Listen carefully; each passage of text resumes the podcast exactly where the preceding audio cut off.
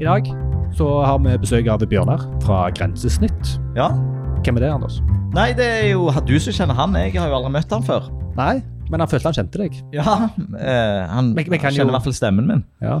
Og du, men du kjente ikke han, nei? Nei, eller, vi har jo møtt hverandre på digitale foraer, men, ehm, men han eh, leder et eh, Jeg lærte jo i dag at han leder et eh, utviklingsselskap, eller et, mm. eh, ja, et Hva skal vi kalle den typen bedrift? De heter i hvert fall Grensesnitt. Ja. Jeg lærte i dag at de var fra Bryne, det visste jeg ikke. Ikke Nei ja. Så jeg har ikke Du, gjort du er ikke så god på den her eh, Forarbeid. forarbeid nei. Nei, men det er jo fordi vi har bestemt oss for vi skal ikke Gjøre for mye forarbeid. Gjør, eller vi skal, vi skal gjøre det enkelt for oss sjøl. Vi skal gjøre det enkelt for oss sjøl. Ja. Og det er jo en svakhet som intervjuer at du ikke gjør forarbeid. Selvfølgelig. Jeg tar, jeg tar eh, kritikk for det. Um, nei, jeg vet at det, ha, det, Grensesnitt er jo en eh, selskap som har masse samarbeidspartnere, bl.a. Uh, Dokk Jukse. Ja. Og Han skal få lov å fortelle oss litt om, om hvordan de jobber, og hva fokus eller ikke fokus de har på universell utforming. Ja. Og han er jo invitert her i dag for at du har sagt han er flink. Ja, og det, det vil jeg bare si at eh, han og Grensesnitt eh, har ekstra fokus på å implementere designet ordentlig. Ja. Og dette er ikke noe kjøpt og betalt her. Nei, ikke heller det. vi- Dette er den første podkasten han er med på. Ja, så vi har invitert han. Mm. Ja.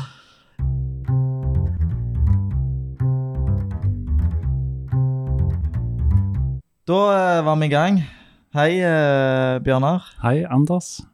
Jeg eh, må jo si jeg har jo aldri truffet deg før, Nei? men jeg eh, føler jo jeg kjenner deg. Ja. Eh, etter å ha hørt, eh, hørt på dere gjennom mange episoder, Mm. så er det jo noe med at en eh, føler at en blir kjent, da. Selv Ja. om en, eh, selv om en Eller truffes. du blir kjent med han, men han blir jo ikke kjent med deg. Helt sant. Derfor kan det jo bli et slags eh, mismatch da, her i, Mm. i eh, forholdet. Mm. Hvorvidt vi føler at vi kjenner hverandre ikke. Ja, Mm. ja for at meg og deg kjenner jo hverandre. Vi kjenner jo hverandre. Ja. Vi Så at, eh, ja, både, ja, vi har vel jobbet i lag, og jobber i lag på Ja. forskjellige prosjekt. det gjør det. Hvorfor gjør dere det? Hvorfor? Ja? Er det Nei, det er fordi at uh, Bjørnar er flinke. Ja? Vi har flinke folk uh, i firmaet sitt, Grensesnitt. Ja? Uh, og vi har hatt behov for den kompetansen, så da har vi hyrt han inn. Ja? Mm. Og Det kan jeg godt si bare for å øke troverdigheten her. Eh, for det er jo jeg som rekrutterer. Jeg er rekrutteringssjef i, i uh, Ulik-konsernet. Ja. Og, eh, og Erling tipsa meg, kom med et uh, ikke-anonymt tips om, om deg. Så, Ja. det, så det er, du er her fordi du er flink, ikke fordi at du har mast deg til å drive med sånn egenreklame for uh, grensesnitt. Det kan jo være greit å presisere, ja. Ja. Mm. det, Jeg er ikke for vane, det må jeg si, å springe rundt på podkaster og prøve å promotere Nei, okay. meg selv i selskapet. Dette er en eh, faktisk første opptreden, Ja. Eh, så Veldig Men kult. jeg, det er men, spennende. men jeg vet ingenting om deg og grensesnitt. Så jeg har gjort eh, ganske slakt forarbeid her. Ja, det Jeg har pleier du ikke gjort noe research heller? Nei. Ok, Nei, men da kan jeg jo interessant høre hva du tenker, da. Ja, at men hva, hva tror du at uh, Grensesnitt holder på med? Eh, nei, det åpenbare er jo eh, Det åpenbare er jo grensesnitt. At dere lager grensesnitt. Mm. Eh, og jeg synes dette eh, Det kan jeg òg si, at jeg syns det er et godt firmanavn. Mm. Eh, og um, en liten, bare en liten historie på sida, det er at for eh, eh, I min heim så har jeg en samboer som er fra Sverige. Hun heter Linn.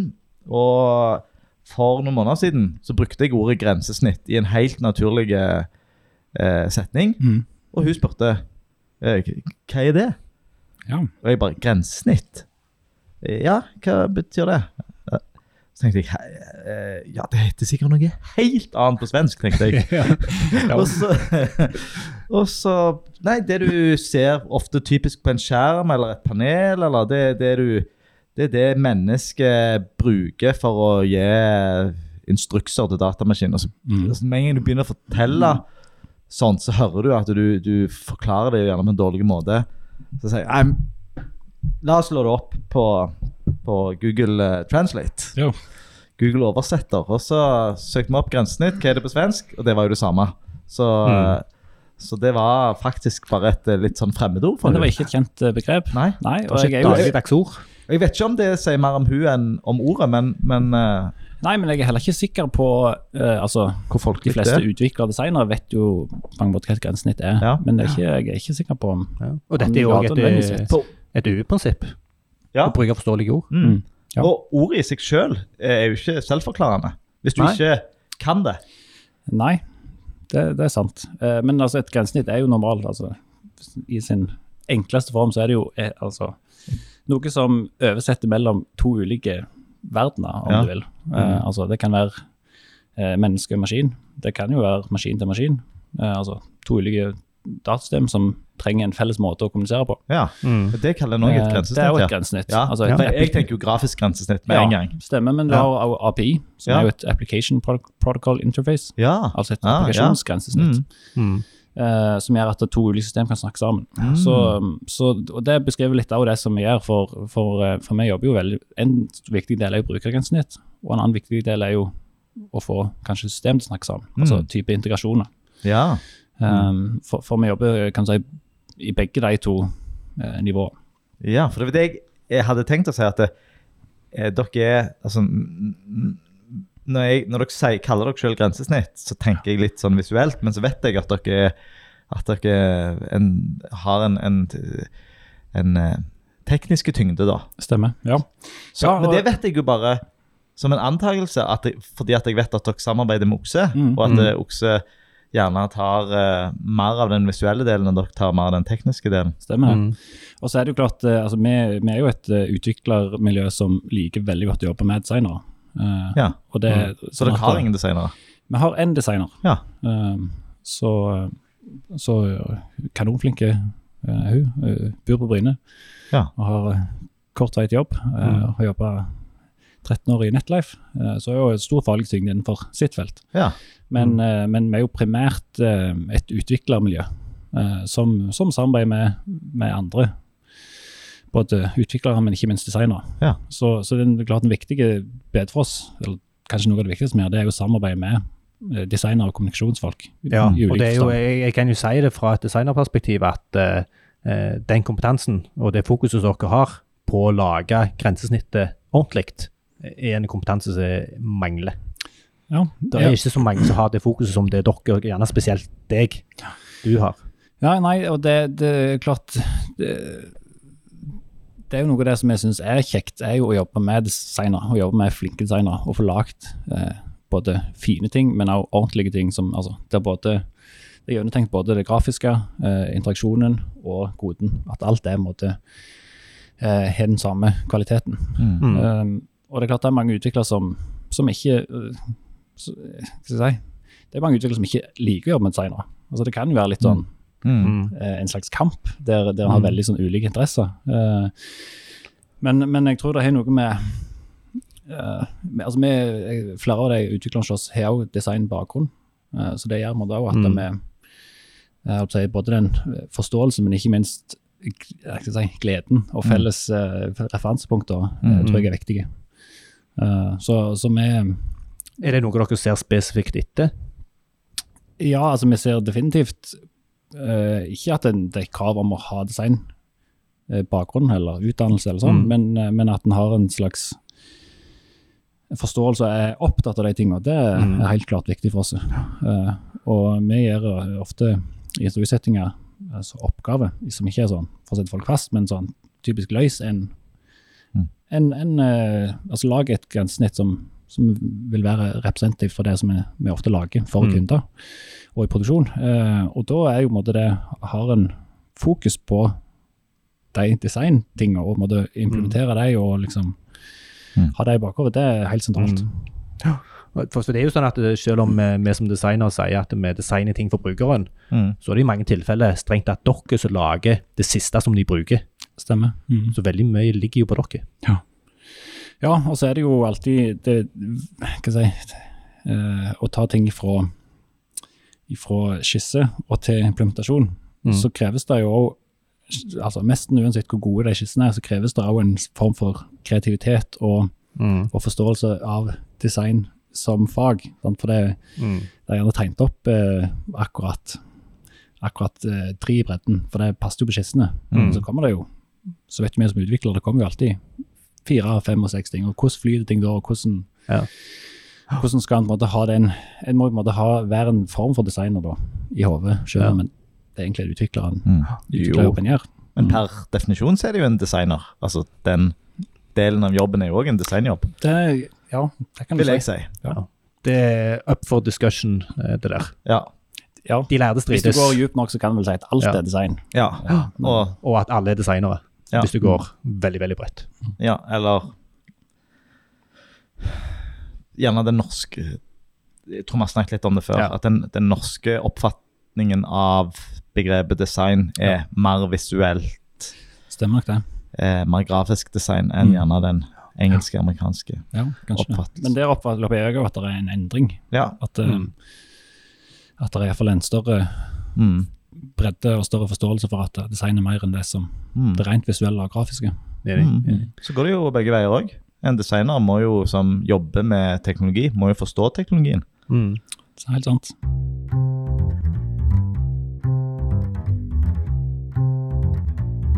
Men med fokus på både design og utvikling, eh, så er dere jo veldig godt eh, rigga for eh, å lage ting universelt utformet.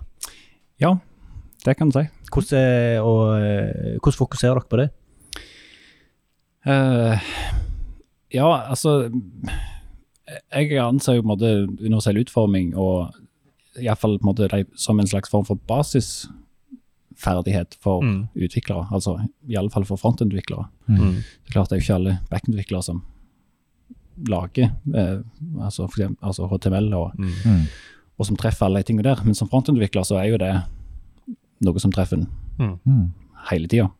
og jeg må jo si jeg ble jo uh, oppmuntra når jeg hørte dere snakket i en episode om at Noroff uh, uh, Mm. har det som fag, uh, universell utforming, Ja, eller de har det i hvert fall ja, som et fag i i frontend design i- eller i frontutvikler. sånn. Ja, men at de hadde det som del av faget, ja. Ja. Av frontutvikling. Ja, og det, det vil jeg jo si Det er veldig bra. De har det som et viktig element, men jeg tror ikke de har det som et eget fag. OK. Nei. Mm, Ok. stemmer. Ja. Mm. Da får vi håpe at det blir et eget fag. Ja. Ja, for Mm. jeg, jeg tok dataingeniørstudiet på, på universitetet. Der er det jo altså, Der var jo ikke dette et tema i det hele tatt. Nei, Eh, sant. Så Når var det? fem-seks seks år siden? Nei, det må være lenger enn det. 28 år siden, kanskje. 28 år siden. Dataingeniør, heter det det? Da? Vet ikke om det heter Dataingeniør høres ut som noe som var lenger enn eh, 28 år siden. Jeg var litt sent ute. Ute med å ta den eh, formelle utdannelsen. Ja, og, og på en måte få, få, eh, få den i boks. Ja. Uh, ja, teknisk sett så er jeg ikke helt i boks ennå. Altså, jeg, jeg, jeg begynte å jobbe fullt Ja, ja. som utvikler halvveis inn i studiet. Ja. Gjorde ferdig alle fagene. og Tenkte det er en bacheloroppgave med å finne et eller annet prosjekt på jobb jeg kan skrive om. Ja. Og det tenker jeg egentlig litt fortsatt. Ja. Selv om det blir stadig mindre sannsynlig. ja, nei, det er bare tøys med utdanning. Sitter jeg her og sier. Hva er det du har, Anders, nå igjen? Jeg har en bachelor, jeg òg. Og Ikke noe sånn eh, Nei. IKT-greie. er jo informasjonsvitenskap. Ja. Eh, og jeg eh, For min del og personlig så hadde jeg ikke trengt den. Mm. Nei. Nei, den. Mm. Men det var Det var mer omgivelsenes eh, forventninger som Mm, gjorde ja. at det, Løy med det. jeg, det Hæ? Det løy med det. Ja, det er det. Jeg var Men det må jeg jo si, jeg synes jo, altså, jeg, da hadde jeg, eh, jeg startet enkeltmannsforetak da jeg var 18 og begynte med å utvikle små nettsider og Mm. tjenester for, eh, for venner og venners venner og foreldre til venner osv. Mm. Men så så jeg jo litt behov, eller tenkte det kan være greit å få kompetanse på det. mm. Um, men det jeg syntes var interessant, var at mange av fagene uh, synes jeg var kjempeinteressante. Som uh, datastol og algoritmer, f.eks. Altså masse sånne algoritmer. Uh, Mm. har jo ikke blitt egentlig mer effektive siden de ble oppfunnet på 70-tallet. Oh. Og de brukes jo overalt. altså Bubble sort, uh, av, uh, Mm. tree sort, altså alle sånne som blir brukt overalt. er sånn, Jeg har ikke brukt de, men Mm. da fikk du litt forståelse av hvordan virker det egentlig. Ja. Mm. Uh, men det er på en måte å ha den der ha brukt de og måte og sånn, ha en forståelse for den faktiske, praktiske bruken, det var kjempeinteressant. For Ja. da er det jo sånn, Dette er jo kjempeinteressant å vite hva, hva skjer egentlig når Mm. det gjør dette. Mm. Mens, uh, mens hvis du møter borti det uten noe sånn Du har aldri hørt om Mm. noe sånt, altså hva i all verden er sortering, og hva er for dette viktig. Mm. så er det liksom hva, altså, hva er poenget? Kan jo fort bli utfordringen med mange studier. Mm. Så, men hvis du måtte har hatt litt sånn hands on erfaring fra før, så blir jo fort utdanning og den, de formelle tingene mer interessante. Absolutt. Men jeg har jo sett eh, noen giffer med noe sånn der sorting-algoritmer. Mm. Så det nok det.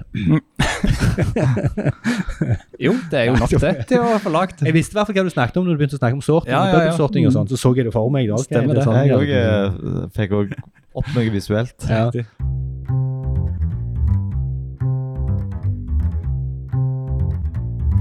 Men eh, eh, universell utforming, når ble du bevisst på det?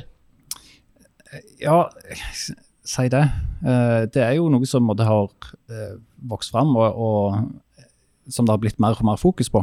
Eh, og det må jeg jo si, altså, jeg har jo ble litt overrasket over hvor gammelt uh, universell utforming er, altså de kravene. Mm. Uh, for de er jo Mm. kjempegamle, altså. Det er 1998. 20-30 år siden. Da 99 kom, ble første VKG da Ja. eh, publisert. Mm. Mm. Men jeg, eh, min Og mange av de prinsippene gjelder fortsatt, ja. Ja, men, eh, men eh, altså, det første, til å begynne med så var det jo kun liksom, du må ha en alt-tag på bildet, liksom. Mm. Det var Ja. stort sett, Det var der det helt begynte. tidlig var jo liksom det Ja. eneste jeg visste om universell utforming. Mm. Og så er det jo egentlig sånn over tid og i møte med, ja, både det som en leser om på, måte, på nettet, Mm. eh, av blogger og artikler osv., og, Mm. og ikke minst da økte formelle krav, som Mm. er kommet enda mer de siste åra. Uh, og det å jobbe sammen med designere som har det som fokus, Mm. eh, er jo det som har vært mest drivende for, for den forståelsen av det fokuset. Må, må du noen gang eh, overbevise om verdien av det? Av å fokusere på universell utforming? Til kunder og sånt? Nei, altså, jeg kan jo si litt om eh, For det er klart, vi, vi jobber jo veldig mye i lag med designbyrå og kommunikasjonsbyrå og Mm. reklamebyrå, eh, som jobber med mange de store byråene her i Stavanger. Mm. Eh, så vi, da er det jo ofte en designer som har gjort en eller annen form for designjobb. Mm. Um, og så er det jo, Vi har jo eh, ansvar for kan du si, om du vil, kodedelen av Mm. universell utforming. For Mm. Det er jo på en måte en, det er jo en del ting der som utviklere må ta ansvar for, Mm. som ikke måte faller for designere. Altså Mm. Mm. rene metatagger og, og Mm. ting som ikke er visuelt eller Mm. Mm. som treffer noen. Men så er det klart det er det jo en del ting som designere må ta ansvar for. Mm. Eh, sørge for god nok kontrast og Mm. størrelse og Mm. alle sånne ting her. Uh, men det er klart, jeg opplever vi nok at, eh, at det er veldig ulik modenhetsnivå blant designere, designere. ja. Mm. Uh, og det hender jo, det blir jo litt uh, av og til motløse hvis vi må påpeke at Ja. den, denne kontrasten her er faktisk liksom for dårlig, og folk klarer ikke lese det. Mm. uh, som jo på måte på mange måter burde vært et designeransvar. Mm. Mm. Men det er jo på en måte eh, Ja. Så, så dukker en alltid borti sånne ting som Iallfall hvis en jobber veldig med branding. altså Noen ting eh, Mm. Det som, som også, og, og sikkert du Anders, leverer, er jo med, kan du si, veldig sånn interaksjon, så folk skal jo på en måte Mm. interagere med det. Mens uh, kanskje en del av de designerne som jobber mer kanskje i grafisk enden Mm. og med branding, Mm. så kan det jo være en utfordring av og til hvis uh, OK, denne kontrasten funker ikke, men oi, dette, dette er jo hele brandingen er bygd Ja. rundt disse fargene, så hva i all verden gjør en da? Ja. Mm. Sier du fra, da? Hæ? Sier du fra? Må jo si fra. Uh, og så er jo det alltid en sånn Må du prøve å, å finne, finne en best mulig løsning. Mm. Men det er klart, hvis en ikke måtte har som designer heller Mm. UI, på en måte, altså i bakhodet fra start, Mm. så kan du jo risikere at en maler seg ned i et hjørne der det ikke er så lett å Mm. måtte fikse på det etterpå. Da. Stemmer det. Så det kan jo være eh, det kan jo være litt krevende.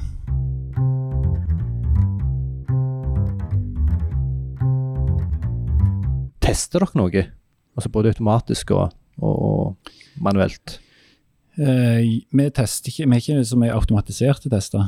Det er vi ikke. Nei. Det burde nok sikkert være der. Jeg eh, har hørt eh, Kunne sikkert vært en fordel. Ja. Ja, da jeg eh, fikk jo tips om noen verktøy. Jeg har hørt Ja. på podkaster Ja. dere har tidligere. Men eh, Husker du hva det var? jeg klarer ikke Nei, det var, hvem var det som var inne? Det var din Jeg var Christ, Yes. Christian som var inne og snakket en del om om automatisk testing. Men du, du, har jo, du, du, du, du har jo kontroll på disse her forskjellige verktøyene, har du ikke det? Jo, ikke så mye de eh, verktøyene som, som eh, du som tester mens du koder. Mm. Eh, de har jeg jo ikke. Jeg har jo mer kontroll på de verktøyene som en bruker for å evaluere ferdig kode eller Mm. ferdige løsninger. Mm.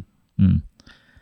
Eh, så av og til så slenger jeg ut noen sånne ord som jeg helt, ikke helt vet hva det betyr. Mm. Eksempel en eh, Skal jeg prøve meg på det?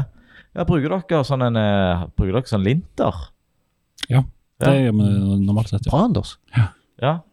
Jeg ble ikke uh, Og sånn uh, Den type verktøy kan du jo bygge inn uh, uh U-tester, men det, der er det jo forskjellig da verktøy per bibliotek eller per teknologi eller Ja, språk som Mm. du jobber med. Mm. Mm. Så det Altså, med, øh, hvis du kjører en sånn vanlig Create React-app, for Mm. eksempel, så er det jo er det jo medlinter som, Mm. som klager i hvert fall på de viktigste Mm. mm. eh, U-prinsipper, hvis du bryter dem. Men eh, på det siste prosjektet så var det jo image-tagger uten alt.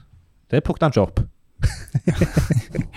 Det kan være at vi uh, ikke var helt velkommen til å Hæ? Nei, nei, det kan være at vi ikke var kommet helt til å fikse alle de ordningene. Nei. Vi, vi prøver jo Mm. Men dere fiksa det fort når, når Ja da, ja da. plukket opp Mm. de, de få. Men, men det som jo kanskje kan være litt interessant, er jo når, når en altså, En ting er at vi kan jo lage eh, på en måte semantikk som gir mening, og på en måte kode alle tingene som vi kan. Mm. Og, og designeren kan jo gjøre på en måte alle ting riktig og Mm. sørge for at kontraster og på en måte alt fungerer. Mm. Men så har du jo en tredje eh, veldig viktig gruppe, iallfall når en jobber på, en på nettsider og det som handler om veldig mye innhold. Det er jo Mm. innholdsprodusenter og redaktører. Mm. Eh, der er det jo også, på en måte, De har jo et ansvar. Mm. For, for, eh, for hvis du måtte legge opp til at alt eh, Du bruker headings og du Mm. bruker det sånn her, eh, Hva heter det main? Det heter landemerke. landemerke osv. Mm. Um, men redaktøren kan jo på klusse til det, Mm. med i stedet for å putte bare på en bold og gjøre tekstfontstørrelse større, og så Mm. kalle det en heading. på en måte. Mm. Altså, eller putte inn bilde, ikke burde legge inn eh, captions og alt. eh, Og Steinar, på det, det. prosjektet som vi jobber sammen på nå, Mm. eh, så hadde vi ei økt hvor, eh, hvor eh, alle på prosjektet, inkludert kunden, skulle sitte og bare legge masse innhold. Da observerte jeg at eh, for det, det er et element, et sånn overskriftelement, hvor du kan velge H1, H2 og H3. Mm. Og da satte han da redaktøren sånn Ja, nei, må være litt mindre den her. Jeg setter den til H3 heller. Mm. Klassisk. Mm, det er klassisk. Ja. Så det kan jo være på en måte Ja, det er jo òg et sånn et, enda et element i det samspillet, da. Mm. Så det er jo klart, det er jo ofte en ganske kompleks sak som skal til for at det alle måter er veldig bevisste, hvis Mm, du skal ja. sørge for at du oppfyller alle de, de kravene der. Mm. Og, og vi, vi bygger jo i stedet for å lage maler, som er typisk at du har tre, fire, fem sidemaler fra nettsida, så bygger vi masse sånne små innholdskomponenter. Mm. Kanskje 10, 20, 30 sånne Mm. forskjellige, som kan Mm. være f.eks.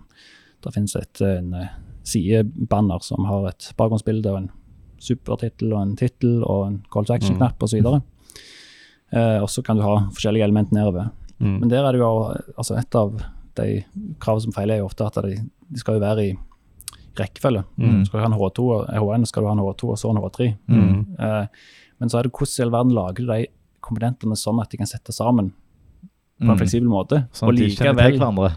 Hæ? Ja, de må kjenne til hverandre. De må kjenne til hverandre, de må Ja. henge sammen. Og, det, og når du bare- lager ting fleksibelt, så er det jo også rom for at da, redaktøren plutselig kan sette ting sammen på en måte som en ikke helt klarte seg for seg som Mm. designer eller utvikler. Og det Ja. er Ja. Jeg, jeg kan spinne litt på det, for jeg kan gjerne eh, mm, kverne gjennom det etterpå og være bevisst på det. Og sette f.eks. Eh, heading-nivå. Mm. H1, H2, H3. Mm. Eh, baser, altså, de får ikke det valget, redaktørene. De får ikke H1, H2, H3. Eh, de, de får gjerne eh, størrelsen på det. Ja da. Og så ser en gjennom etterpå at ok, her er det en høy med headinger. Eh, denne strukturen bør de ha.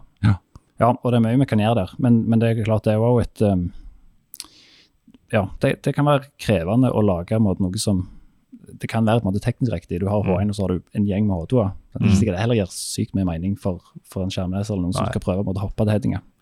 Nei, jeg kan Så, ikke automatisere strukturen på innhold, på en måte. Nei, en kan jo gjøre noe, men det er klart det krever også et arbeid. Det krever jo at du tar hensyn til veldig mange forskjellige Mm. eh, ting som kan inntreffe. Eh, Men her, det, det, er- det, det en liten kobling mellom dere to. For det at eh, du, Anders, har vært på et prosjekt hvor de bygde et nettsted med en SPA, altså Single Page Application, Ja. eh, og møtte på en hel del utfordringer. Ja. Eh, Bjørnar, eh, faktisk på det samme prosjektet som vi holder på med nå, Mm. det er en single page application. Ja. Eh, hvordan er det å bygge opp f.eks. ei side eh, semantisk i en single page application? Er det grei skuring? Eller må du gjøre noe ekstra for å passe på at ting ligger inni der det skal ligge? og sånt? Nei, Jeg vet, tror ikke det, det er ikke, jeg vil ikke si det er så stor forskjell på om det er en single page application eller noe annet, eh, i den forstand. Uh, det er jo litt spesielt, for det er jo en single page application, men det blir jo produsert statiske filer Mm. Mm. måte, til slutt Mm. ut av det. Um, Så, så en, ene ting vi, var borti, var i menyen. Når du valgte et menyelement, så lasta han jo bare innholdet. Så om du tabba en gang til, så gikk han til neste menyelement. Mm. Selv om det egentlig var en sidelasting. Mm. Eh, fordi du kan gjøre det sånn i en eh, SPA. Ja, det er jo, ja, det er jo fordi at akkurat i det merket vi bruker der, så produserer den jo statiske filer. Så hvis du besøker en URL, så får du ei ferdigprodusert side. Ja. Men hvis du navigerer det fra internt, så Ja. er det gjerne sånn eh, magisk laste, bare sånn Jason Ja. i bakgrunnen, og egentlig Bare swappe det. Oppdatere bare uh, Ja. on the fly. Har dere fått ordna det, forresten? Det står på toppen av lista mi. Ja. Det skal vi ordne før lansering. Uh, Ja, for men- det, det er men en du løsning på det. Ja da, du må bare lytte på sånne ruteendringer. Altså at da, Ja, du har ja. navigert et ny, ny URL, og så må du egentlig manuelt nullstille tab-indeks og så. Mm. Det er, ikke, det er lett okay. å fikse. Men, men, eh, ja, Men det er jo, det er jo, det er jo noe som en tok fram av testing, som ikke er så lett å liksom teste, tenke seg fram til. Nei. Ja. Ja, for det er en annen ting derfor at når jeg og Anders har testa med, med, med sånn eh, stemme Hva heter det? Voiceover? Nei, Mm. hva heter det? Er det voiceover? VoiceOver er en skjermleser. Skjermleser var det. Ja. Det var det jeg var på jakt etter. Ja. Med skjermleser så, eh, så hører du jo lyden på Mm. sidelasting. Du har en sånn pling. Mm. Ja. Ja. Så den òg må vi Ja, ja, passe på at ja. det Mm. blir med i den her. Det er ikke bare å resette tab-indeks.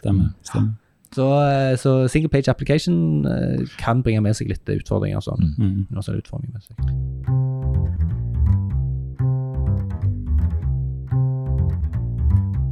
Tenker jeg at, eh, at uh, en må uh, Når en eh, Når en velger teknologi, da Altså når du, når du velger noe som er en, en javascript-applikasjon, så må du forstå som utvikler Når du tar teknologivalg, så mener jeg da må du forstå hva du fjerner Mm. fra Mm.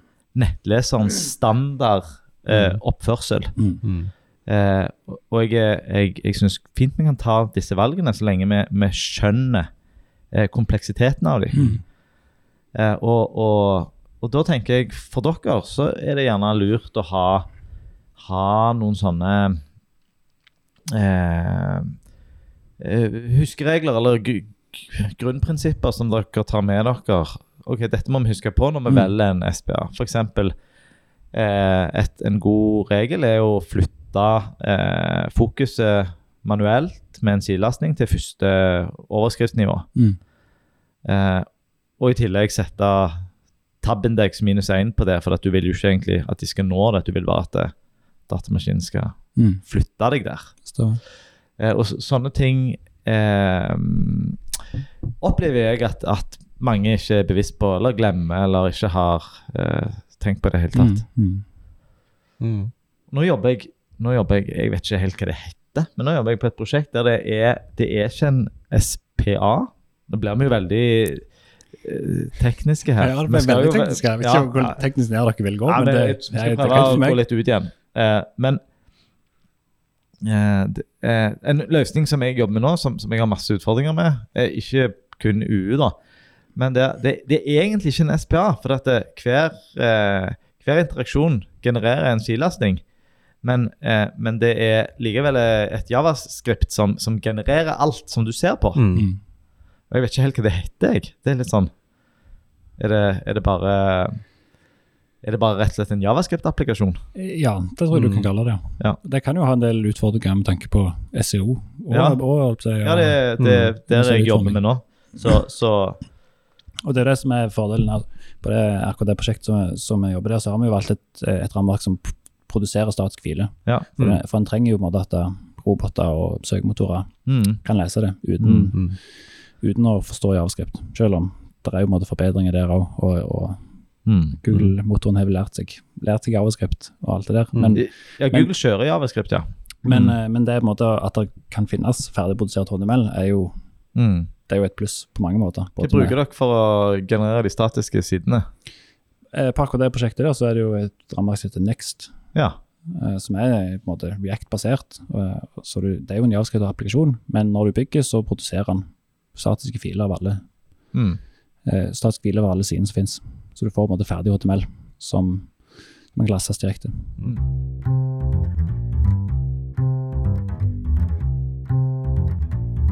Men nå var vi djupt nede i, eh, i det tekniske her. Dras ut igjen. Ja, for vi har jo Vi har jo um, Nei, altså, vi skal ikke la, vi skal ikke la entusiasmen uh, drepes av at vi prøver å ha et ikke-teknisk uh, perspektiv på denne Nei. Nå har vi ikke snakket, eh, nå har vi ikke snakket teknisk på mange episoder, så kanskje vi skal tillate oss å være litt tekniske i dag. Ja. Nei, det, det må vi jo, for vi har jo invitert deg. Du er jo en teknolog. Ja. Mm. Men det, det er jo I forhold til litt sånn modenhetsnivået på universell utforming, eh, så, så er det jo det, Der opplever jeg jo at det er en definitivt bevegelse, men det er jo veldig stort spenn. Eh, Ja. Mm. Kanskje kan vi merke på, hvor folk er, og, og hvor bevisst en er på det. Mm. Eh, og litt sånn som kanskje for Når en begynte med responsiv nettside, sant, så var Mm. det en ganske lang periode der, der noen designere var veldig på der og veldig bevisste måte, på universell utforming og Mm. begynne med mobilstørrelse osv. Eh, men det var jo en, ganske mange år eh, der det var et vanvittig stort avvik mellom, mellom designere. Ja. Altså Noen designere kunne jo kunne være helt på, måte, på eh, nesten sånn papirstørrelse. Altså, det finnes én størrelse, liksom. Det er Ja. den design for. Eh, Ja. Det er ingen, ingen Mm. flyt eller, eller ting for, Mm. for ulike størrelser. Eh, det høres selvfølgelig tvunget seg fram. Altså hvis, når nettsider begynner å få liksom 70-80% trafikk på mobil, så Ja. forstår jo alle at det, Mm. Mm. det er ikke bare en basisferdighet, det, det må være helt på toppen av, av lista. Det er det pluss på. Uh, men der, eh, på samme måte som det på en måte tok, eh, tok en stund, så opplever jeg også at det er en ganske stor uh, spenn der i bevisstheten rundt Ja. universell utforming. Ja. Både for utviklere og designere. Ja, og jeg, jeg liker litt at du bruker ordet bevissthet, eh, gjerne mer enn kompetanse. Ja. For, fordi du henger jo veldig tett i hop. Altså, Mm. første steg er jo bevissthet.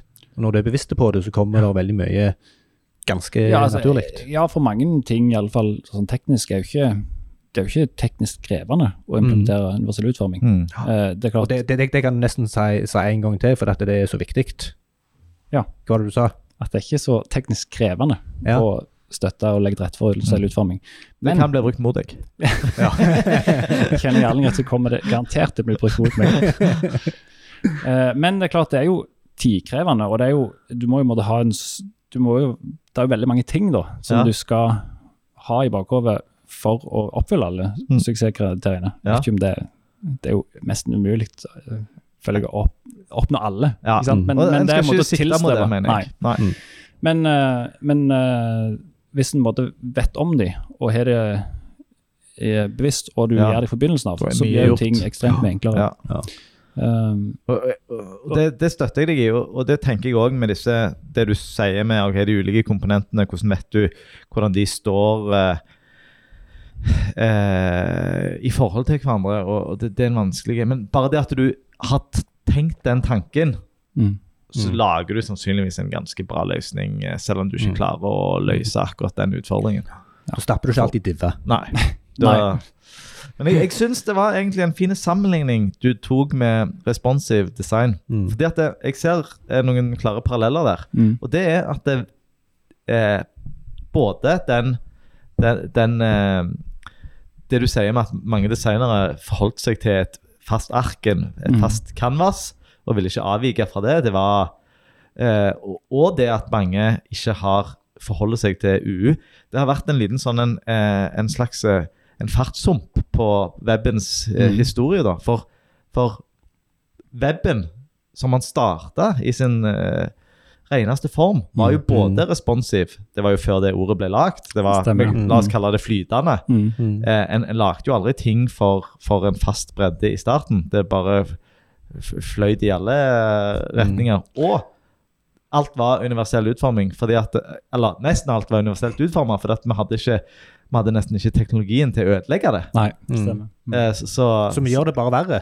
Ja, så vi har tatt den, eh, vi har gjort det verre for oss sjøl, og så har vi lært masse på den reisen. stemmer. Og så begynner vi å Mm. bruke Eller begynner å forstå det nå, så bruker vi ganske mye krefter på å, å komme tilbake til, til der vi var.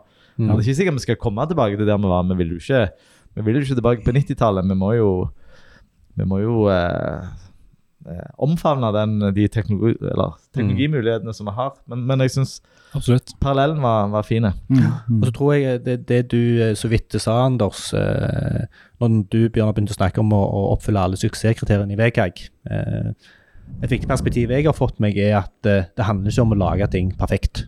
Eh, det handler om å lage det så bra som mulig innenfor de rammene vi har. Stemmer. Bare prøve hele veien å gjøre det mer tilgjengelig. Mm.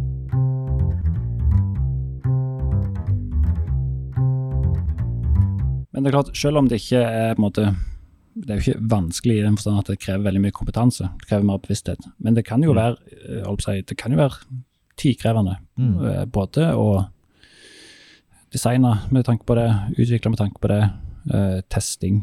Uh, og, og det er klart, vi jobber jo på veldig mye sånn, altså Vi jobber jo prosjektbasert primært.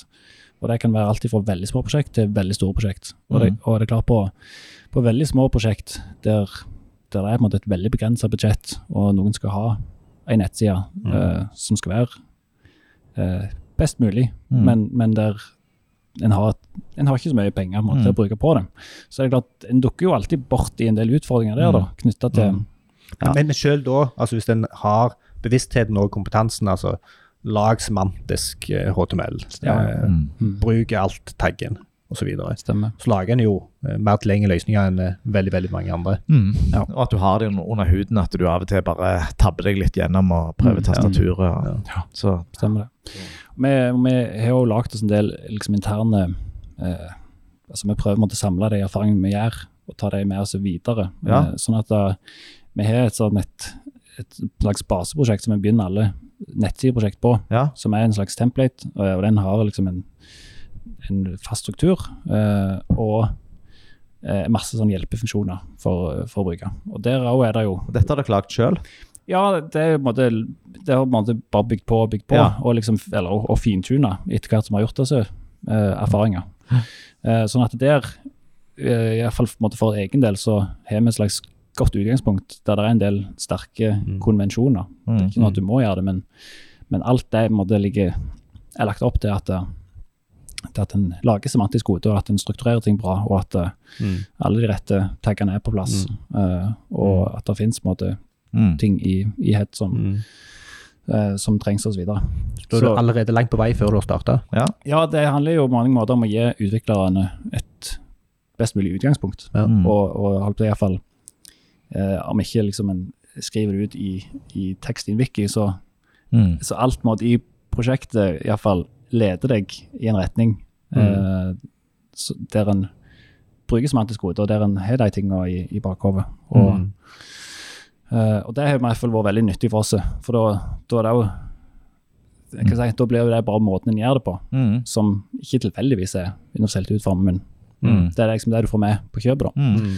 Eh, og så opplever jeg også at det, det, det skaper jo en, en slags eh, bevissthet, eller en slags konvensjon, da, som, som Mm. alle utviklerne Dette er jo sånn vi gjør det, og, og Mm. da får en på en måte fra prosjekt til prosjekt eh, mye si, mer robuste løsninger, og, Mm. og løsninger som er eh, mer universelt utformet enn hvis du bare starter med helt blanke ark og åpner ingenting. Mm. Mm. Er Dere, dere utviklere imellom, eh, snakker dere om universell utforming noen gang? Altså bare sånn uten at det er spesifikt på et prosjekt? Eh, ja, vi snakker litt om uh, typiske podkasterne her, og, Ja. og, Hei. og når det dukker opp, eh, når det dukker opp uh, ting eh, Det er jo masse artikler Ja. om det, og, og jeg er jo opptatt av å være faglig oppdatert, så det er jo alltid Ja, og det at du, jeg, jeg liker at du sier det som selvfølgelighet. Altså, vi er jo opptatt av å være faglig eh, oppdatert, og det inkluderer òg universell utforming. Ja. Det er fint. Ja, ja. Mm. Eh, Men, men det er klart, det er jo et, altså det er jo så stort fag, universell utforming, eh, eh, som jeg eh, Mm. nevnte litt før vi starta, så er jeg ikke, jeg er ikke ennå gjennom den første sesongen på alle tingene. Og det er så Mm. jeg, for jeg merker jeg må ta det Jeg, må, jeg, jeg kan ikke liksom binge. For, Nei, det, for det er liksom, jeg, må- jeg må høre en episode, og så må Må jeg tenke mer, og så tenker jeg, åh, så tenker, kommer jeg på alle det, de gangene jeg feila på dette. Ja, ja, Sånn, da. Ja. Og Da liksom sånn, hvordan i all verden skal ja, ja. vi sørge for at, at vi opp, får til dette her? Ja. Og noen ting blir jeg jo også litt sånn satt av omfanget. Altså, ja. Nå forstår jeg jo at dere, du transkriberer ja. alle podkastene. Mm. Det er jo, altså All ære til deg for det. Mm. Men det er klart, det er jo, det er jo krevende. Ja. Eh, og eh, hvis en skal gjøre tekstversjoner av all podkast eller Mm. teksting av video og, men, ja, det er en men, grunn til at ingen gjør det. men, så, men det er klart, så er det jo Hvis en da tenker mer da på, på brukeren, og hvem er disse brukerne? Og Derfor er det liksom så interessant også når dere, eh, dere har hatt besøk av en som er blind. Mm. Og liksom Når du ser for deg han, da, så er det noe annet uh, enn å bare liksom Ja, det er fint med Mm. Det er fint å lage til- tilgjengelige Ja. tjenester, men det er liksom å, der finnes jo faktisk folk som ikke får brukt disse tjenestene, Ja. hvis ikke vi gjør jobben vår. Ja. Det er jo klart det det er ingenting som er mer motiverende Mm. eh, enn det. Og, og mer liksom, ja. Ja. Og Det er jo litt det vi har prøvd å dra inn i denne, det, denne sesongen, hvis Mm. vi kaller det sesong. Det er jo det menneskene Mm. her. Altså det, Vi fant jo at noe av det kjekkeste med den uh, første delen vi hadde, det var jo når vi hadde besøk. Mm. Og nå har vi jo besøk, og nå uh, lærer vi litt av deg.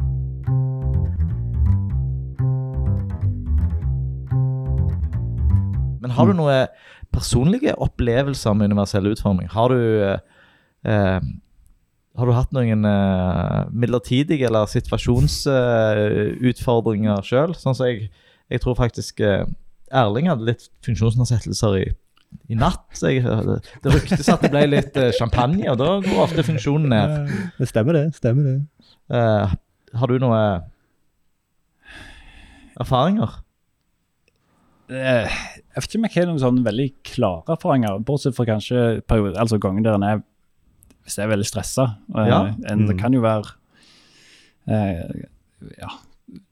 Jeg liker jo godt å ta tog, Ja. men jeg er kronisk seint ute. Og det Ja. byr jo på en del sånn utfordringer knytta til Mm. hvilket tog eh, skal en på, og, og få kjøpt ned billetten. Ja. Og, og så ligger ikke betalingskortet inne, og så må du Ja. banke det på mobil. og bare sånn, åh, Da kan du jo gå ei kule varmt. Ja, koke ja, i ja. toppen. Eh, og det, men det- er jo- litt uh, Leder jo også inn til på akkurat den det, det som går på banket mobil, leder jo litt inn det der eh, hva skal jeg si, spennet mellom sikkerhet og ja. uh, Mm. brukeropplevelse. Mm. Oh, den er Det er et vanskelig felt, altså. For det, Ja. det å lage kan- kan enkle ikke- løsninger som likevel er sikre, liksom, det Hvorfor er banket det på mobil eh, vanskelig? Nei, det er jo ikke vanskelig, men hvis jeg har lagt inn et betalingskort fra før og verifisert det, så nå, er jo bankene kommet med Mm. økt sikkerhet, og det dukker opp i, ser jeg, i mange apper sånn Mm. varsel om eh, bankene vil i større grad kreve signering. Ja, nå tror jeg du må signere på hver eneste. På en del ting så må du signere for hver gang. Mm. Så selv om kort ligger inne, Ja. og du er verifisert det, og alt det der, så må du fortsatt signere bank til mobil. Mm. Altså Når du er i den situasjonen, det er, Mm. Ja. det er liksom det siste du er interessert i. Ja, ok. Ja. Ja. Da blir det en barriere. Men, eh, Men jo- hvorfor må du gjøre det eh, på f.eks. på togbillett, og ikke når du eh, betaler med mobilen på Reman? Hva er forskjellen? Ja, det er et godt spørsmål. Må du øve på banke det på mobil hver gang på type Rema teppebetaling òg nå? Nei, Nei, men jeg, jeg tror eh, når du bruker kort, altså, eller eh, kort på mobilen eller på Ja. eh, så er jo det på sett og vis en, en, en tofaktor Ikke noe en tofaktor, det er en enfaktor. Du har, da har du fysiske, fysiske kortet.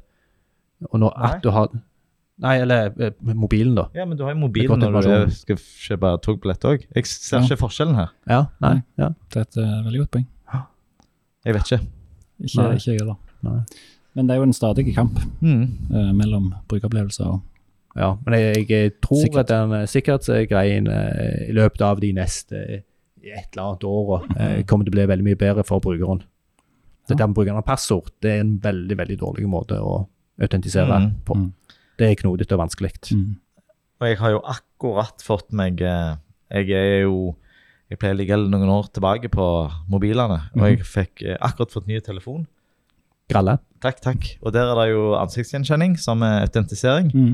Og jeg eh, må jo si det at eh, det Det er jo eh, forhåpentligvis sikkert, det tror jeg. Og jeg vil Mm. si at det er ganske universelt utforma. Absolutt. Eh, du de fleste har et ansikt Mm. eh, som forhåpentligvis kan brukes til ansiktsgjenkjenning. Mm. Helt til en begynner å komme med maske. Ja, men det har, De måtte de, komme med en oppdatering for, Ja. det, Ja. for Mm. å støtte ja. Ja, klart. Sant? Men igjen, det er jo Nå er det, har vi jo veldig fint vær i regionen her, og plutselig går det med masker og solbriller. Mm, Da mm. får de Da får teknologien noe å bryne seg på. ja. Men da må du ha flere måter å løse det på. Det var flere måter å løse det på. Da, da kan du, når du springer for sent til toget, ta av deg solbrillene og rive ned maska.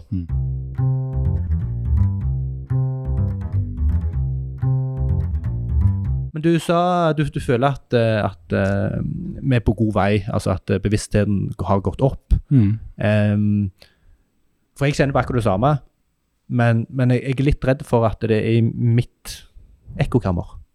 Ja. Altså at det er for det de rundt meg, fordi jeg lager podkast med Anders og, og sånt, Mm. og, og fordi jeg òg gjerne, hvis du lytter på podkastene, så Mm, mm. får du en konstant påminnelse om at noen andre òg som tenker på det. Mm. Eh, Har du, har du plukket opp liksom andreplass òg, at det er økt bevissthet rundt det? For kunder, f.eks.? Eh, ikke faktisk så mye fra, fra kunder. Eh, og kan si dessverre så opplever jeg nok at vi må Mm. kanskje også drive den og, og, Mm. og holde det oppe. Mm. Eh, og det kan jo faktisk være litt sånn uh, det, er ikke, altså, det er ikke alltid det blir godt mottatt engang. Altså, for det, det, det, det krever at en kanskje jobber annerledes, bruker litt mer tid, Mm. uh, både designer og innholdsprosent Mm. og koder. Så det er liksom det Og det er gjerne mange som bare vil at dere kan ikke bare implementere det, da. Altså at dere bare skal gjøre det de har bedt dere om å gjøre, ikke utfordre det. Eh, og, men det kan jo være sånn, ja, men altså, hva, hva er poenget, på en måte? Hvorfor skal vi gjøre dette? Mm. Så, og da må en jo helt ned på en måte på Mm. å forklare hva for utforma er. Eh, men der opplever jeg jo at det er jo eh, Det er som at det har kommet økte lovkrav, hjelper jo veldig. Mm. Mm. Eh, Mm. og nå det er vel òg forskjellige lovkrav for offentlige aktører aktører og private. Altså Ja, der de offentlige har enda høyere. veldig, veldig nylig så har det jo vært det samme. Ja. Ja. Mm. Men nå kom jo det ble jo eh, EU-direktivet ble vedtatt da, men det har jo ikke tredd i kraft. Men det kommer jo til å skape et skille mellom Mm. offentlig og privat. Mm. Mm.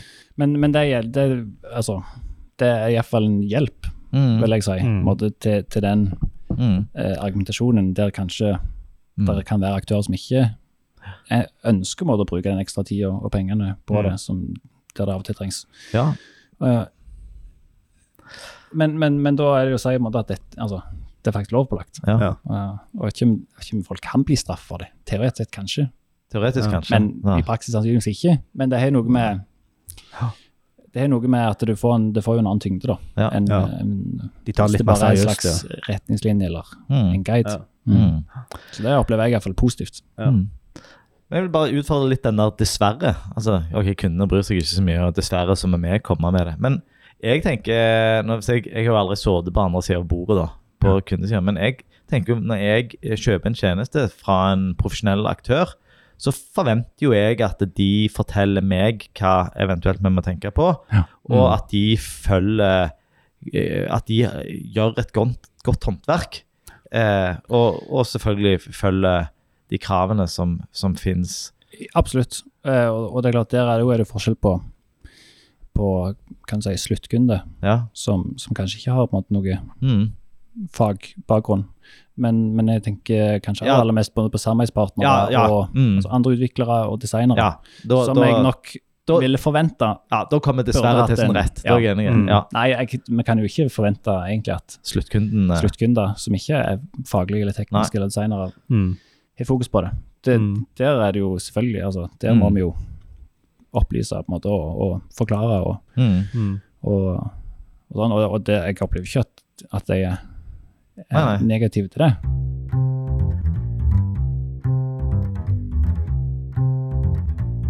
Men hva, hva, hva argumenter bruker du for at det er viktig å gjøre noe universelt utformet? Um, Ja, si det. Det er nok en kombinasjon. altså et, En innfallsvinkel kan jo være at det er et det er lovkrav. Det, Ja. det er lovpålagt at alle skal bruke det. Eh, Og en annen kan jo være det er jo den mer sånn menneskelige. Ja. Mm. Eh, vi kan med relativt enkle grep Mm. gjøre det gå ifra ubrukelig til Mm. brukende Mm. for, uh, for uh, det som egentlig er en ganske stor gruppe. Mm. Uh, og jeg syns jo at det har vært veldig bra måte det fokuset dere har hatt gjennom podkasten på, at det er ikke bare liksom, det er ikke bare blinde. Mm. Sant? Det er mange som er svaksynte eller har midlertidige funksjonsnedsettelser. Mm. Til sammen så blir det på en måte en relativt stor gruppe som, som, som er viktig på en måte å ta vare på. Mm. Uh, og for noen kunder så er det jo rett og slett altså hvis- For de kundene som skal selge et produkt, så er det jo en ren egeninteresse Mm. selvfølgelig å, å maksimere Større Mm. marked. det markedet du kan nå. Mm. Mm. Um, men, men der kan det jo være en utfordring at si det er på en måte Det er jo fortsatt en en minoritet, det er jo Mm. et mindretall som Mm. er det. Så, så, så kan en fortsatt Hvis en er kynisk da tenker at Mm. Ja, det er ikke så viktig for meg. Vi trekker- vi det trekker de- Vi treffer de store, Mm. de store gruppene. Ja, og, og er klart, i de sammenhengene så vil jeg jo si det er ekstra nyttig måte at, det, at lovkravet treffer inn. Mm. der, det, er ikke et, det er ikke valgfritt eh, Mm. å lage tjenester som er klingelig for alle. Mm. Det er noe som bør være selvfølgelig. Ja.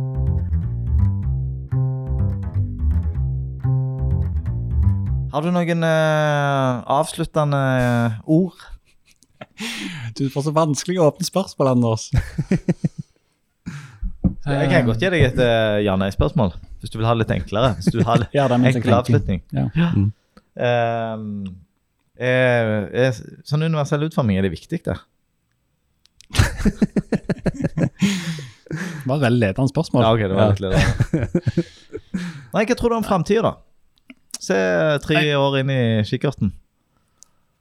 Altså, jeg, eh, jeg eh, frykter jo ikke bare at universell utforming er at det går baklengs, altså at det går bakover. Nei. Men jeg eh, frykter nok at det ikke går så fort som vi kanskje skulle håpet. Altså, Men- jeg opplever at det er en nokså langsom prosess.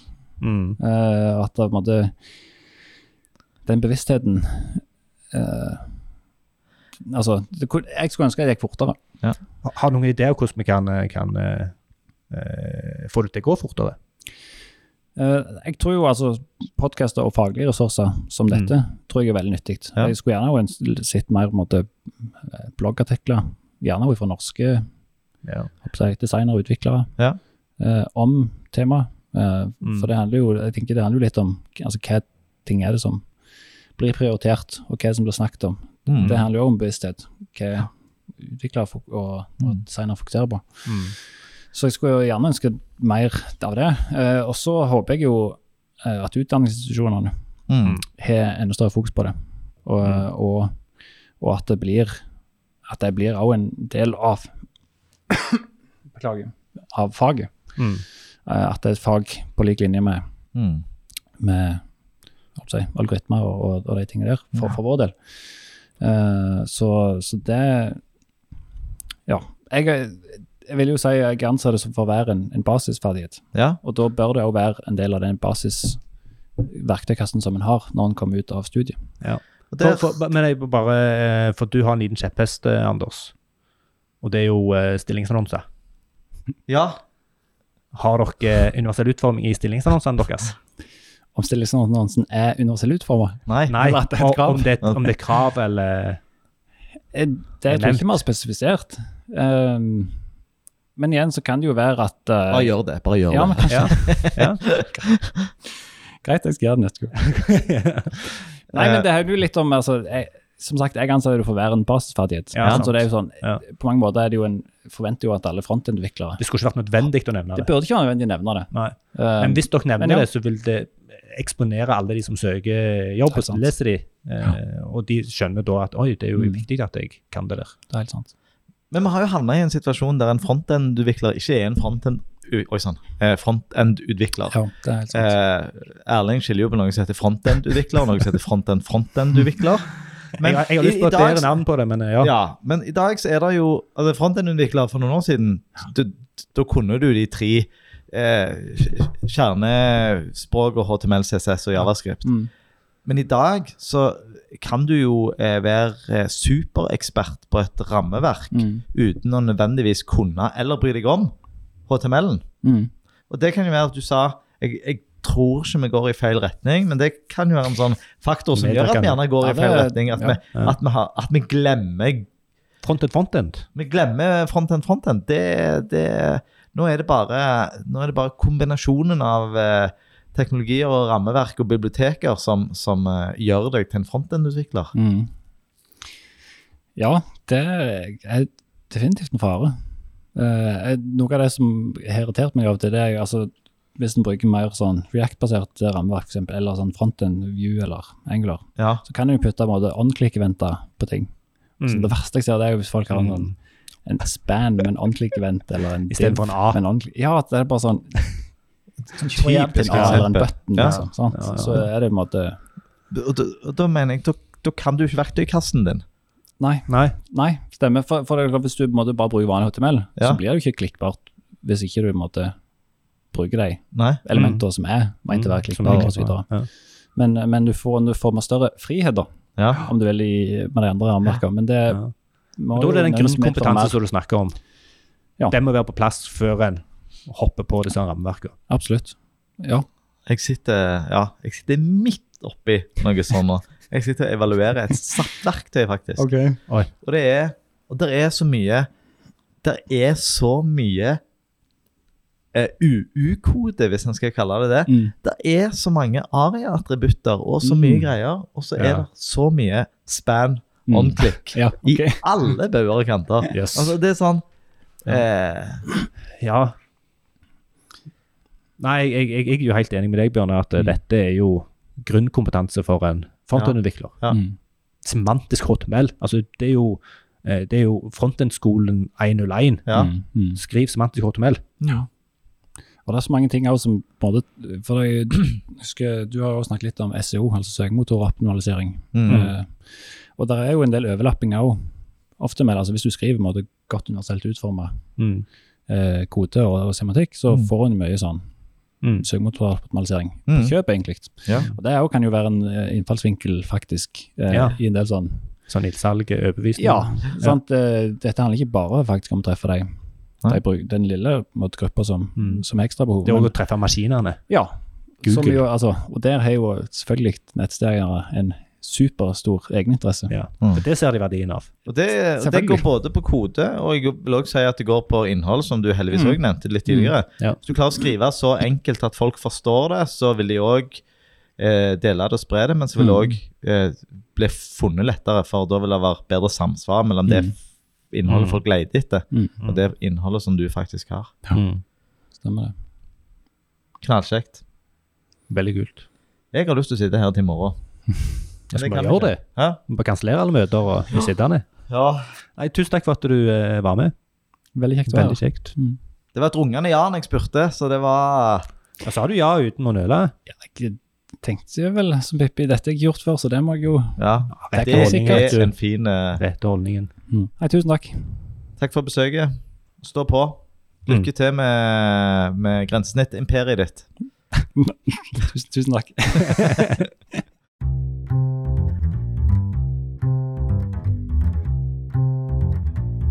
Det, det jeg eh, liker veldig godt eh, med, med Likte veldig godt med samtalen med Bjørnar, det var eh, optimismen. Han mente at dette, dette var det mer og mer fokus på. Ja. Og at han mente at frontutviklere de, de måtte bare ha denne kompetansen. Ja. Det var ikke noe at han, var sånn eh, Vi spilte inn dette her med stillingsannonsen, gjorde vi ikke? Jo, jeg tror vi gjorde det. Jo. Ja. Han mente at det kanskje ikke var nødvendig å skrive en stillingsannonse fordi en skulle kunne forvente det Ja. av utviklere. Du, da? Nei, når du sier det, så, så, så sitter jeg igjen med det samme. Og det er nok gjerne fordi at jeg lett blir litt pessimistisk. Jeg opplever jo i min eh, hverdag at jeg, at jeg sitter og spiller sånn, hva heter det, whack-a-mole. Ja. Uh, at jeg, jeg liksom jeg, Du slår ned alle sånne småting som dukker opp uh, Ja, igjen og og så igjen og så dukker de opp uh, på ny og på ny og på ny og på ny. Mm. Eh, så jeg er nok mer en pessimist. Og da trenger jeg jo litt sånn som Bjørnar å, høre at iallfall de og mange rundt de Mm. er flinke og leverer godt håndverk, mm. og at det er, Mm. det er håp. Ja. Det er håp der ute. Ja, og det er jeg, jeg er håpefull. Men jeg, jeg er jo en optimist, da. Ja, så jeg, jeg, eh, henger meg egentlig bare på, på, på deg, jeg, Erling. Ja, men det er veldig bra. Mm, I dag har ikke jeg egne man- meninger. Har ingen egne meninger? Nei. Nei. Det var jo gysla kjedelig. Skal du tenke litt mer på det, eller? Um, nei, det det jeg Nei, jeg, jeg skal Jeg har en liten mening, og det er Burde jeg gjerne tenkt på før. Men det er Reklamebyråene er en, eh, en viktig brikke her. Mm. Og, og de har eh, nok ikke vært så mye på min radar Nei. i de seneste åra. For jeg jobber jeg, Altså, i, i, gjennom min karriere så har jeg jobbet ganske mye med reklamebyrå, men jeg gjør det så sjelden nå. Mm. Så derfor har det ikke vært helt på, på Mm. Men, men eh, jeg syns det var et kjempegodt poeng, og, Ja. og gleder meg til å, til å snakke med noen reklamefolk her ja, i vi har nå studio. bestemt oss for å prøve Ja. å finne noen fra reklamebransjen som er villige til å snakke med oss. Ja. Det blir gøy. Det blir gøy. Ja. Mm. Eh, da er vi ferdige for i dag. Hvem er du? Jeg heter Anders fra Webstep. Hvem er du, Er- Erling? Hvem, hvem heter du, Erling? Hvem er, hvem er? Eh, jeg heter Erling og er fra Okse. Snakkes. Takk for praten.